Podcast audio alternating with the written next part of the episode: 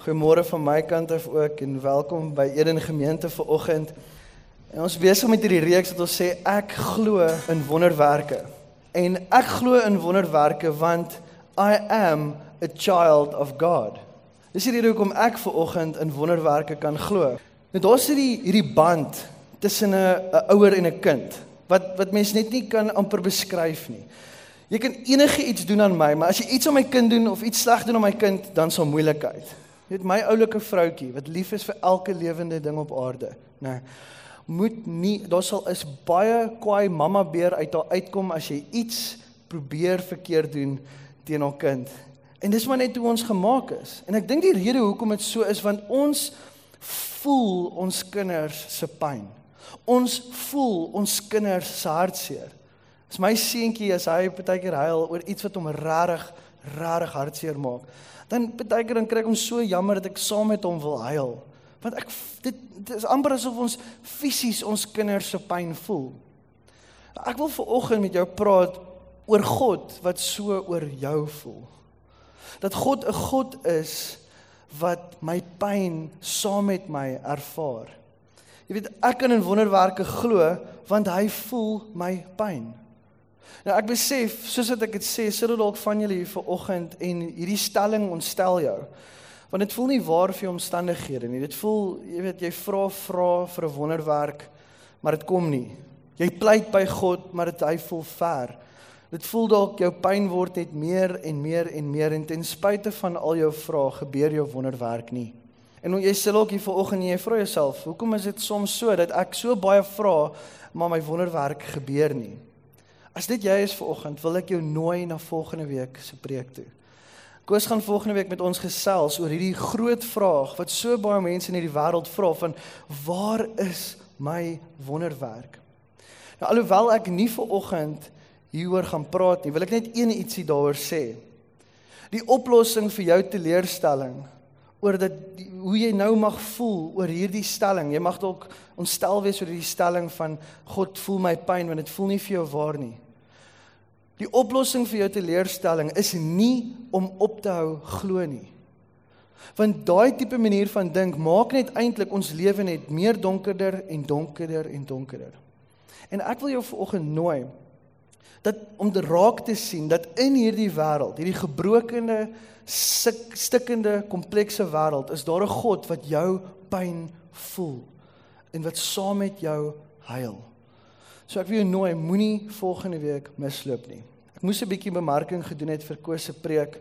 Aangesien die predikings hierdie afgelope 2 weke so as die standaard so gelig is, ek wil net hê daar moet so een of twee mense opdaag volgende week as Koos preek. So moenie dit misloop nie. maar het jy al ooit iemand so innig jammer gekry? Dat jy dit jy dit gevoel het. Jy het dit amper in jou ingewande gevoel. Het jy al iemand so jammer gekry? My seentjie toe hy 2 jaar oud was, as hy gedeel was hy hospitaal opgeneem met die RSV virus en die adenovirus gehad. Hy was baie siek. Sy het ons dan verskriklik jammer gekry.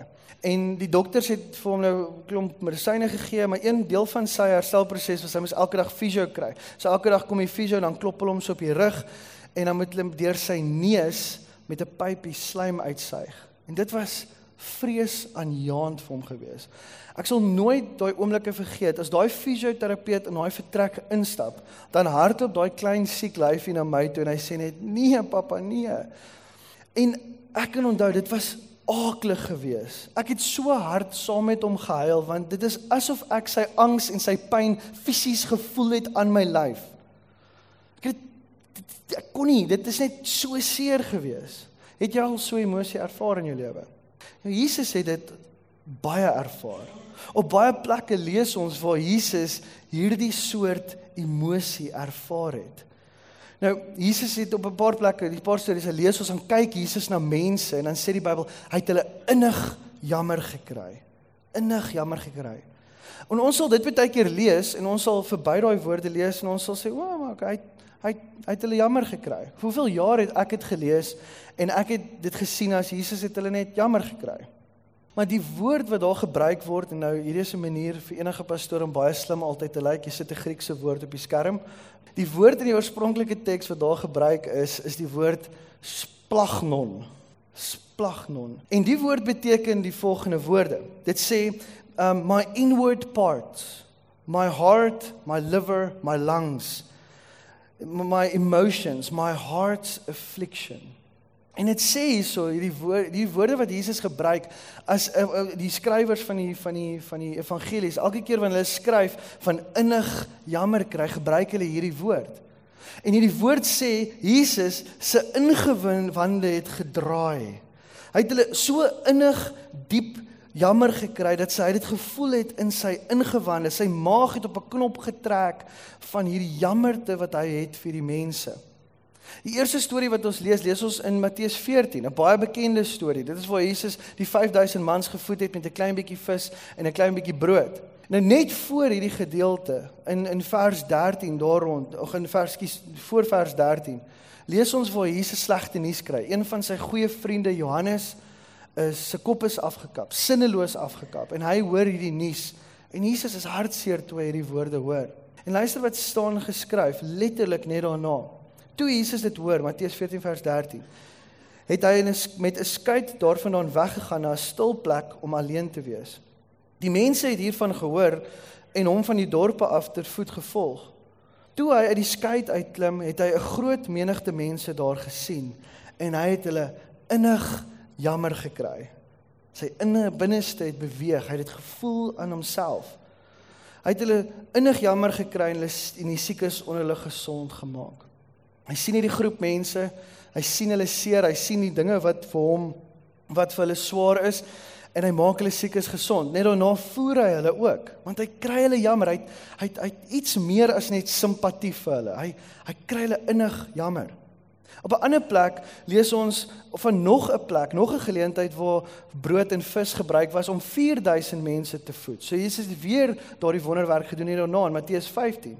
Dit sê in vers 32 het sê Jesus het sy disippels nader geroep en vir hulle gesê ek kry hierdie mense innig jammer.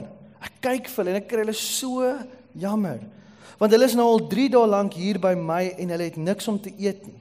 En ek wil hulle ook nie sonder kos huis toe stuur nie want hulle gaan miskien langs die pad beswyk. Jesus kry hulle innig jammer. Nog 'n storie in Lukas 7. 'n Weduwee se enigste seun sterf. En Jesus stap by die stad by die by die dorpie in en hulle is besig met hierdie seun se begrafnis. En soos wat Jesus daar instap, sien hy wat hier gebeur. Vers 13. Toe die Here haar sien, het hy haar innig jammer gekry en vir haar gesê moenie huil nie. So Jesus praat met hom met soveel liefde en hy sê vir my kind, moenie huil nie. Dit gaan verder. Hy gaan toe nader en, en vat aan die baar. Die draers gaan staan toe en hy sê: "Jong man, ek sê vir jou staan op." Die dooie het regop gesit en begin praat en Jesus het aan hom aan sy maat teruggegee. Die laaste storie wat ek vanoggend wil vinnig lees is Matteus 9 vers 36 waar Jesus weer eens by 'n groot 'n groot menigte mense sien. Um hy het hulle innig jammer gekry want hulle was moeg en hulpeloos so skape wat nie 'n wagter het nie. Hy sê toe vir sy disippels: "Die oes is groot, maar die arbeiders is min. Bid vir die Here aan wie die oes behoort om arbeiders uit te stuur vir sy oes." Hy kry hulle innig jammer want hulle is moeg en hopeloos. Het jy al moeg en hopeloos gevoel? Jesus kry hulle innig jammer en hy sê vir sy disippels: "Ons moet iets doen. Kom ons doen dit. Ons moet bid. Kom ons bid vir hierdie groep mense." Nou hierdie was 'n groot tema in Jesus se lewe as ons daar as ons hierdie sien is dat hy mense se pyn raak gesien het. Hy het hulle pyn fisies gevoel aan hom. Hy het die pyn van die mense op hom geneem en dit het hom geroer in sy binneste soveel so dat hy aksie geneem het, iets vir hulle gedoen het. En dit was een van die grootste temas in Jesus se lewe. Hy het mense innig jammer gekry. Maar die ding is daar was iets aan Jesus gewees. Iets wat Jesus amper magneties gemaak het. Mense het na Jesus toe was was aangetrokke tot Jesus en daar was was heeltyd menigte klomp mense wat by Jesus wou gewees het. Nou natuurlik het die mense die stories gehoor van Jesus, hulle het sy gehoor van sy wonderwerke en hulle wou dit beleef het. Maar ek wonder as jy na iemand toe sou gestap het en jy jy vra vir hulle, "Vertel my van Jesus." Gaan hulle jou vertel of dit hy 'n God is, 'n 'n mens is wat liefde straal. Hulle sou dalk vir jou vertel het oor sy manier van hoe hy praat met liefde. Hy sê hulle sal dalk vir jou vertel het van sy oë, die liefdevolle kyk wat hy gegee het vir die mense. Selfs Jesus se disippels, hulle moes agtergekom het Jesus is anders. Hulle dis hoekom hulle hom gevolg het. Hulle het geglo hy is die seun van God, maar iets was anderste. Die nuus wat Jesus gebring het, was anderste as wat die nuus was wat in die tempel gebring was, al was dit net die manier hoe dit oorgedra was.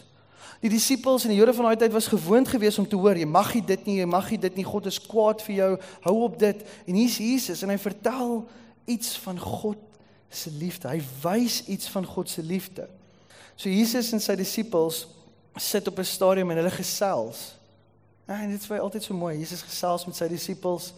En hy vertel vir hulle van wat voor lê. Hy sê vir hulle ek gaan weggaan van julle af en ek gaan 'n plek vir julle voorberei. En die disippels sê, "Hoor jy, Jesus, waartoe gaan jy? Hoe gaan ons U kan volg as ons nie weet waartoe jy gaan nie?" En Jesus sê vir hulle daai bekende woorde. Hy sê, "Ek is die weg, die waarheid en die lewe. Niemand kom na die Vader toe as dit nie deur my is nie." En sy disippels sit en ek dink hulle weet nie waar hulle is, hulle is te mekaar, hulle weet nie wat nou hier gesê word nie. En Filippus sê in Johannes 14, hy sê: "Here, wys ons net die Vader en dit sal vir ons genoeg wees." En Jesus antwoord hom so: "Ek is al vir so lank by julle, Filippus, en jy ken my nog nie.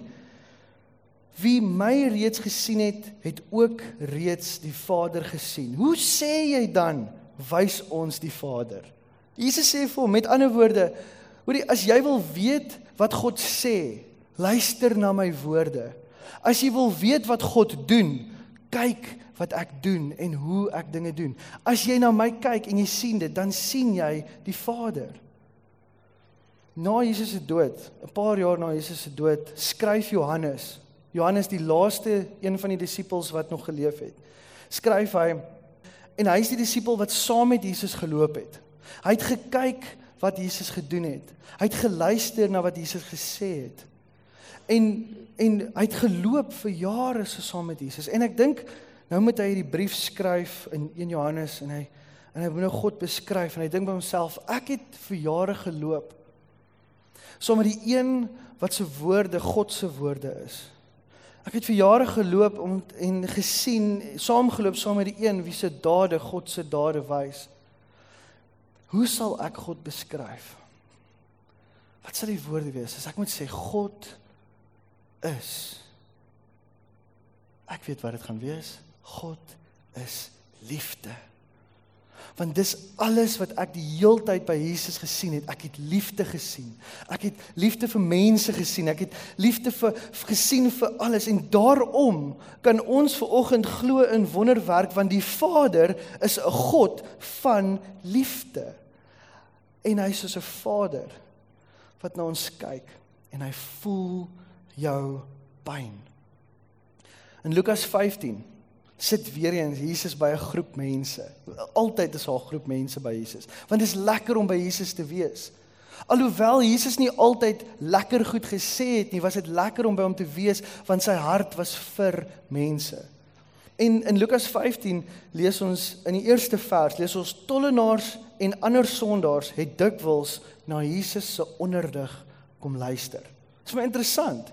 'n Mens sou dink dat die sondaars en die tollenaars en die slegte mense sou wou wegbly van Jesus af, want Jesus praat goed van teen dit wat hulle doen. Maar hulle wou by Jesus wees. Dit sê iets van sy hart, doen dit nie? So die tollenaars en die sondaars het dikwels na Jesus se onderrig kom luister. In vers 2 die fariseërs en die wetkenners, nou ons weet wie hulle is.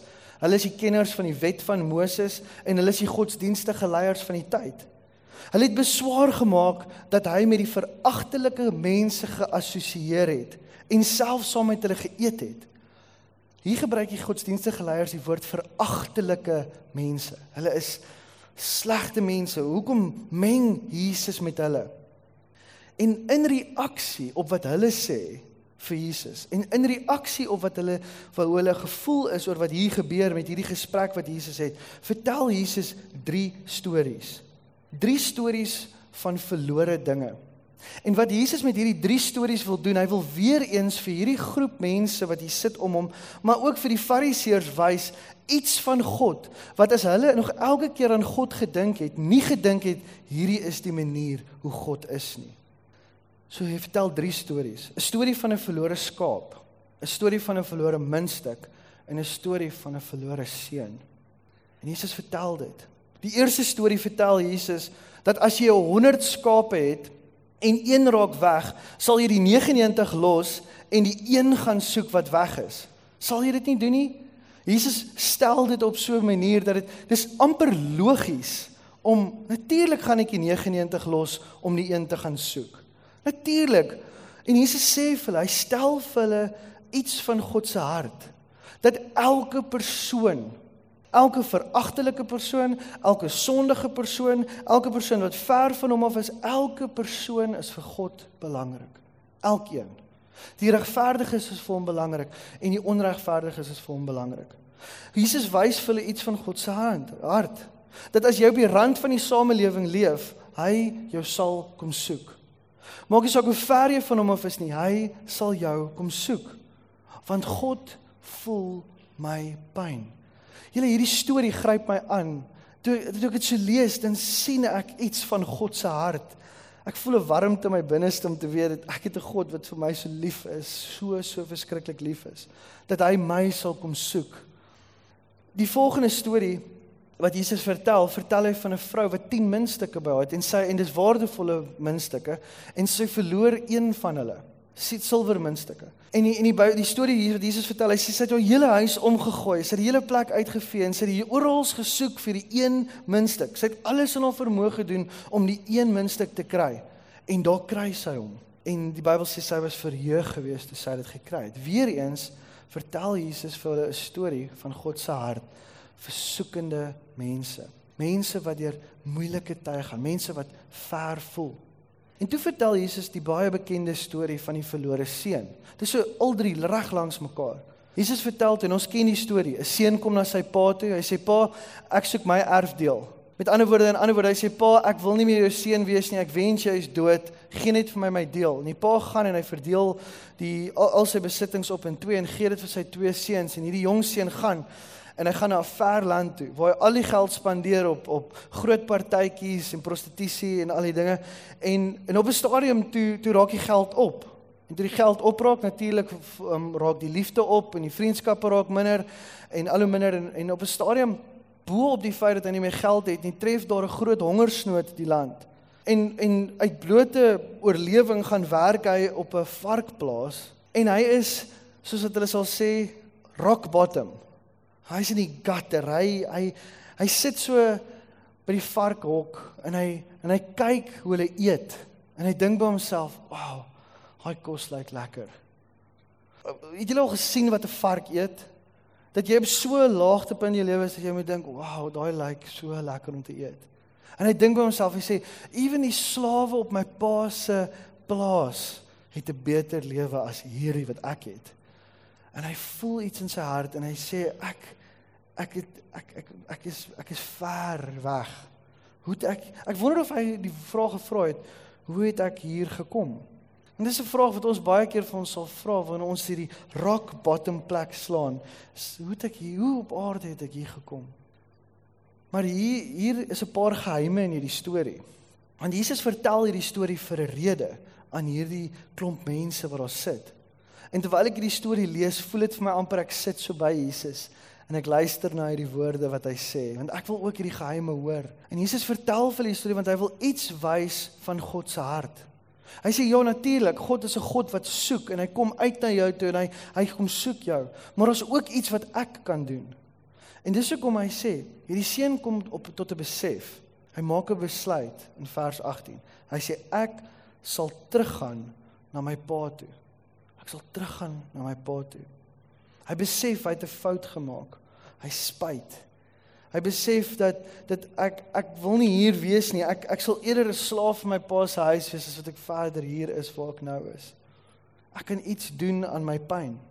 Hy sê ek kan nou hierdie seun besef, ek het 'n keuse hier. Ek kan iets doen. Ek kan opstaan en ek kan terugdraai na my vader toe.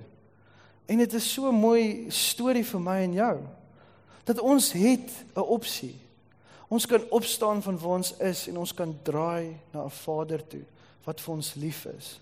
Op 'n ander plek in die skrif lees ons ook waar waar Jesus mense gesond gemaak het en um, en waar hulle ook iets van hulle kant af gedoen het. Die eerste storie is in Matteus 20 vers 29. Dit sê Jesus stap by 'n dorp en hy maak twee blinde mense gesond. Toe hulle uit Jerigo gegaan het, het 'n groot menigte mense, weer eens 'n groot klomp mense, Jesus gevolg. Twee blinde mans wat langs die pad gesit het, het gehoor dat Jesus verbykom. En hulle roep toe uit: "Jesus, seun van Dawid, omferm U tog oor ons." Die mense het met hulle geraas: "Bly nou stil. Jy moenie vir Jesus pla nie. Daar's belangriker mense wat na hom moet luister." Sst. Bly nou stil. En wat doen hulle? Hulle het aanhou roep. Hulle het aanhou roep. Die mense het met hulle geraas en gesê hulle moet stil bly, maar hulle het al hoe harder geroep. Here, seun van Dawid, ontferm U tog oor ons. Jesus het gaan staan, hulle geroep en gevra, "Wat wil julle hê moet ek vir jou doen?" Hulle sê toe vir hom, "Here, dat ons oë oopgaan." En Jesus het hulle daai woord weer innig jammer gekry. En hy het hulle oë oopgemaak en dadelik kon hulle sien. Hulle het iets gehad wat hulle kon doen. Hulle het aanhou roep en aanhou roep ten spyte van wat die mense vir gesê het. Het hulle het hulle nog harder geskree. Ek gaan nie ek gaan aanhou vra. 'n Ander storie in Markus 1 vers 40 genees Jesus 'n melaatse man. As jy daar kom toe 'n melaatse man na hom toe smeekend op sy knieë en val voor hom neer en sê vir hom as u wil kan u my gesond maak. Jesus het hom jammer gekry. Hy het sy hand uitgesteek wat Jesus nie mag doen nie want Jesus is 'n rabbi, is 'n melaatse man, hy's hy's onrein en Jesus steek sy hand uit aan hom en hy raak aan hom en hy sê toe vir hom die mooiste woorde. Jesus sê ek wil ek wil jou gesond maak. Ek wil. Jesus het hom geraak en sy melaatsheid het verdwyn.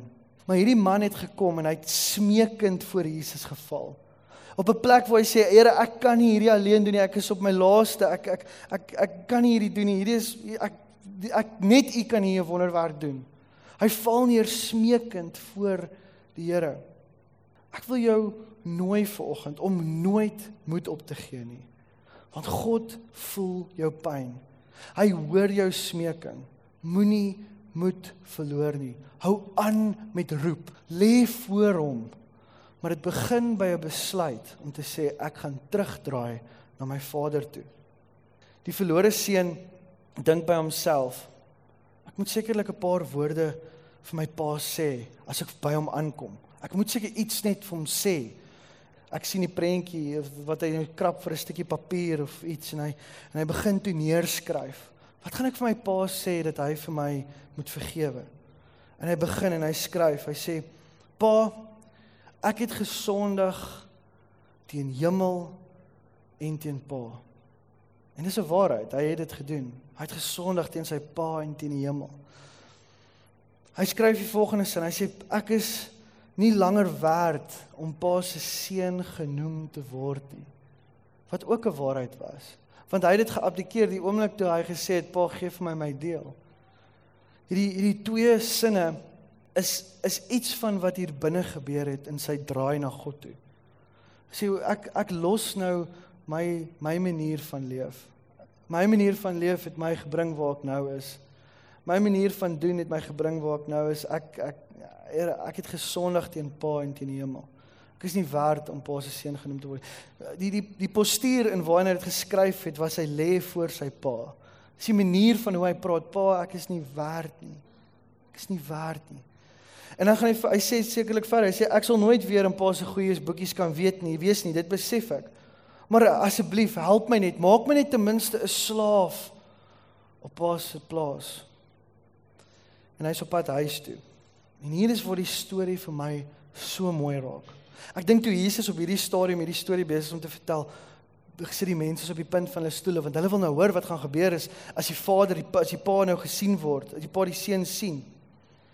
En die skrif sê daar hy sê en toe hy nog ver weg was ver weg was het sy pa hom gesien aankom. Weet jy wat beteken dit vir my? Dit beteken dat sy pa het nooit sy rug gedraai op sy seun nie. Sy pa het nooit omgedraai en die gordyne toegemaak en gesê oh, my seun is nou weg en 'n bordjie voor op die plaas gekap om te sê moenie eers moenie eers terugkom nie jy het jou plek klaar verloor sy pa het nooit sy rug gedraai op die seun nie. Maar hy het daar gestaan en wag. Hierdie pa het 10 teen 1 gehoor dat wat dalk stories gehoor van sy seun.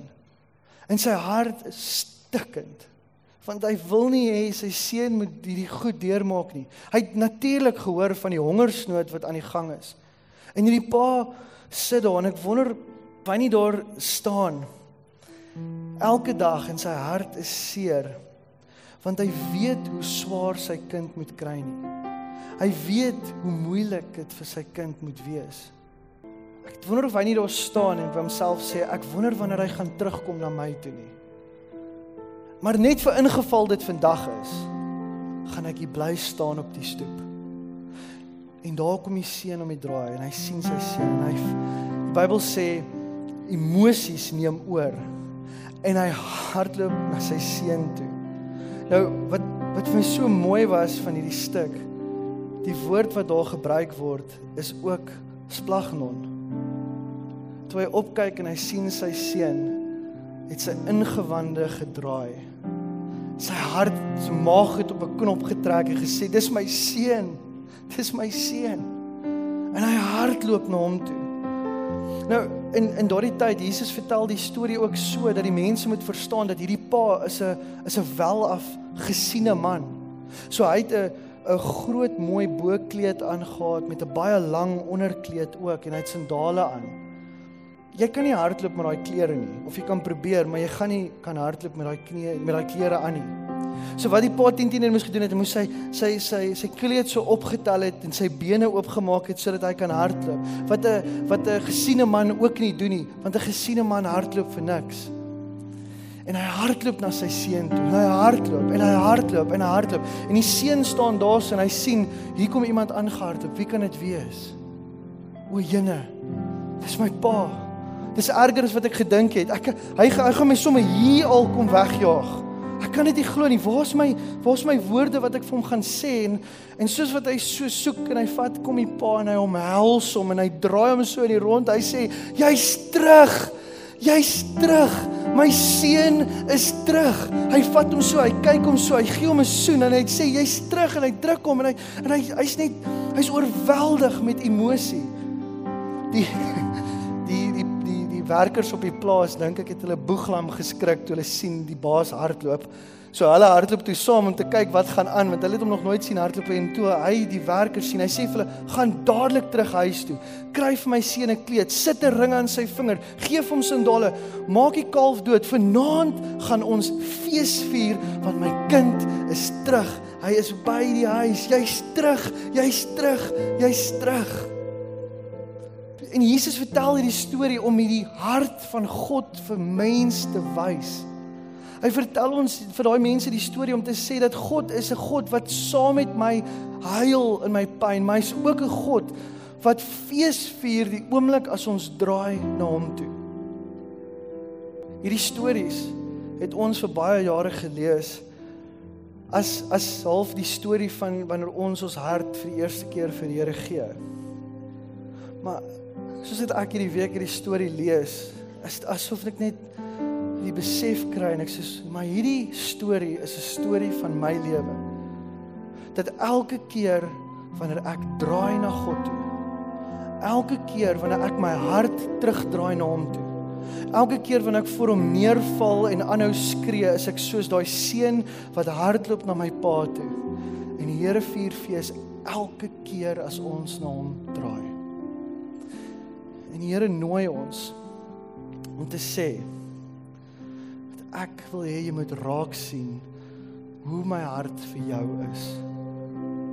Ek is nie net 'n ver God nie, ek is 'n God wat by jou is en ek het jou ontsettend ontsettend lief. Jy sit dalk hier vir oggend en jy voel seer. En die storie van die verlore seun is soos 'n metafoor vir jou lewe vir jou uitnooi vir oggend om te weet dat die Vader, die God van liefde, die God wat Johannes in enigste woorde kan beskryf as hy is in sy wese liefde. Daardie God voel jou pyn. Hy huil saam met jou. Hy sit by jou en jy moet weet dat jy is nooit nooit alleen nie. Al voel jy vanoggend ek het al moeg gebid. Ek wil jou nooi hou aan met bid. Ek wil nie hê jy moet ek wil ek wil jou nooi om te sê Here, ek gaan aanhou probeer. Ek gaan al hoe harder skree. Ek gaan omdraai en ek gaan ek gaan huis toe gaan. Ek ek gaan iets van my kant af doen. Ek wil jou nooi om aan te hou bid. Want ek en jy kan glo in wonderwerke. Want my God is 'n God van liefde. En sy wese is soos 'n pa wat sy hart breek vir seer en feesvier in ons blydskap. Ons sluit ver oggend hierdie oggend af. En daar's 'n lied wat Stef vir ons gaan sing. En die liedjie is vir my so mooi. Dit sê in die in die chorus gedeelte sê dit I believe in you. I believe in you. You're you're the God of miracles. En hierdie woorde wil ek jou nooi volgende. As dit jy is wat wat soos hierdie verlore seun voel of jy voel op hierdie plek waar jou pyn net oorweldigend is in jou lewe. Ek voel dalk net ek weet nie, ek weet net nie meer nie. Wil jy nie soos daai seun vanoggend maak en opstaan uit daai plek uit en draai na die Vader toe en hierdie woorde sing. I believe in you. Al sukkel jy om die woorde te glo, sê dit vir jouself. I believe God of miracles. Here, dis ons gebed vanoggend. I believe in you. You're the God of miracles. Here, ek bid vir elke persoon wat vanoggend hierdie woorde gesing het. Here, U ken elke storie, U ken elke hart. Ek bid Here dat U vanoggend sal vir elkeen bewus maak, Here dat U is naby. You are the God of miracles. Die grootste wonderwerk van alle tye is dat ons na U toe kan kom en dat U hande uitsteek na ons toe. En U het ons vreeslik ongelooflik baie lief. Ek bid dat ons hierdie week sal hierdie onthou dat ek het 'n Vader, ek het 'n God wat my pyn voel saam met my. Ek seën elkeen in Jesus naam alleen.